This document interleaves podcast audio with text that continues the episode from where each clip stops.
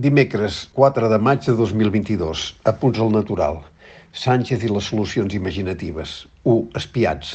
Quina casualitat. Ara resulta que coincidint amb el Catalan Gate, el president Sánchez acaba de descobrir que ell i la ministra Robles, la dolenta de la pel·lícula, també han estat espiats.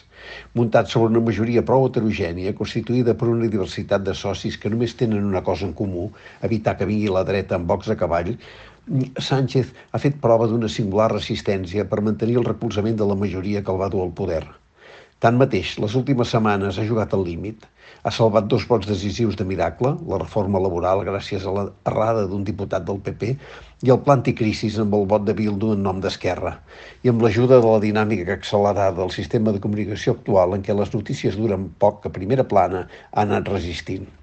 En aquest escenari arriba el Catalan Gate. Ni la creença estesa en molts sectors de l'opinió pública espanyola i elevada categoria institucional per la ministra Robles que contra el projecte independentista tot està permès, ni l'estesa i fundada convicció que les amenaces per la majoria de govern provinents de l'independentisme català i d'Esquerra Republicana en particular no tardaran en decaure, han estat suficients perquè el president Sánchez es limités a deixar passar el temps confiant en enterrar el conflicte a la Comissió de Secrets Oficials al Congrés dels Diputats. L'escàndol és tan greu que no era fàcil passar-hi de puntetes i Sánchez s'ha despenjat en una peculiar solució imaginativa. Jo també sóc víctima construint així una singular simetria entre ell i els independentistes escoltats. I quina casualitat, Margarita Robles, Martell Lleretges també. El qui té la responsabilitat d'explicar el, el que ha passat en la mida que el CNI està sota la seva jurisdicció es presenta com afectat. Quin ridícul. Dos espies. Què busca Sánchez? Sembla que el seu objectiu sigui neutralitzar els fets per una doble via, compartir la condició de víctima, insinuant així que les dues parts eren objectius d'uns mateixos espies, i internacionalitzar l'operació. Hauria estat un país estranger el que hauria espiat a Sánchez i Robles? Si així es vol desplaçar el conflicte cap a fora, una pregunta s'imposa.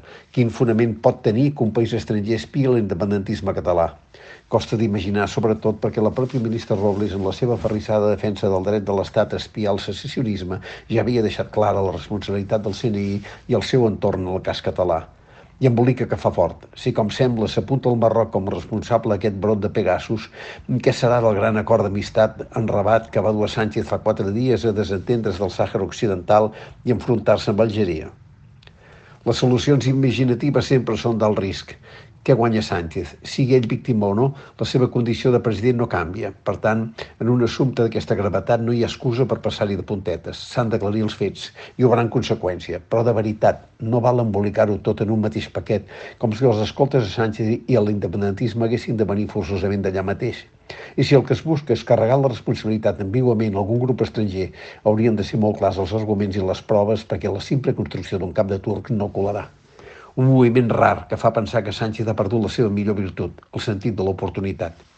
Tot plegat ha donat una mica més de videta a un debat que va bé als independentistes en l'actual fase depressiva, però té, com sempre, el perill d'augmentar encara més la distància entre les paraules i les coses.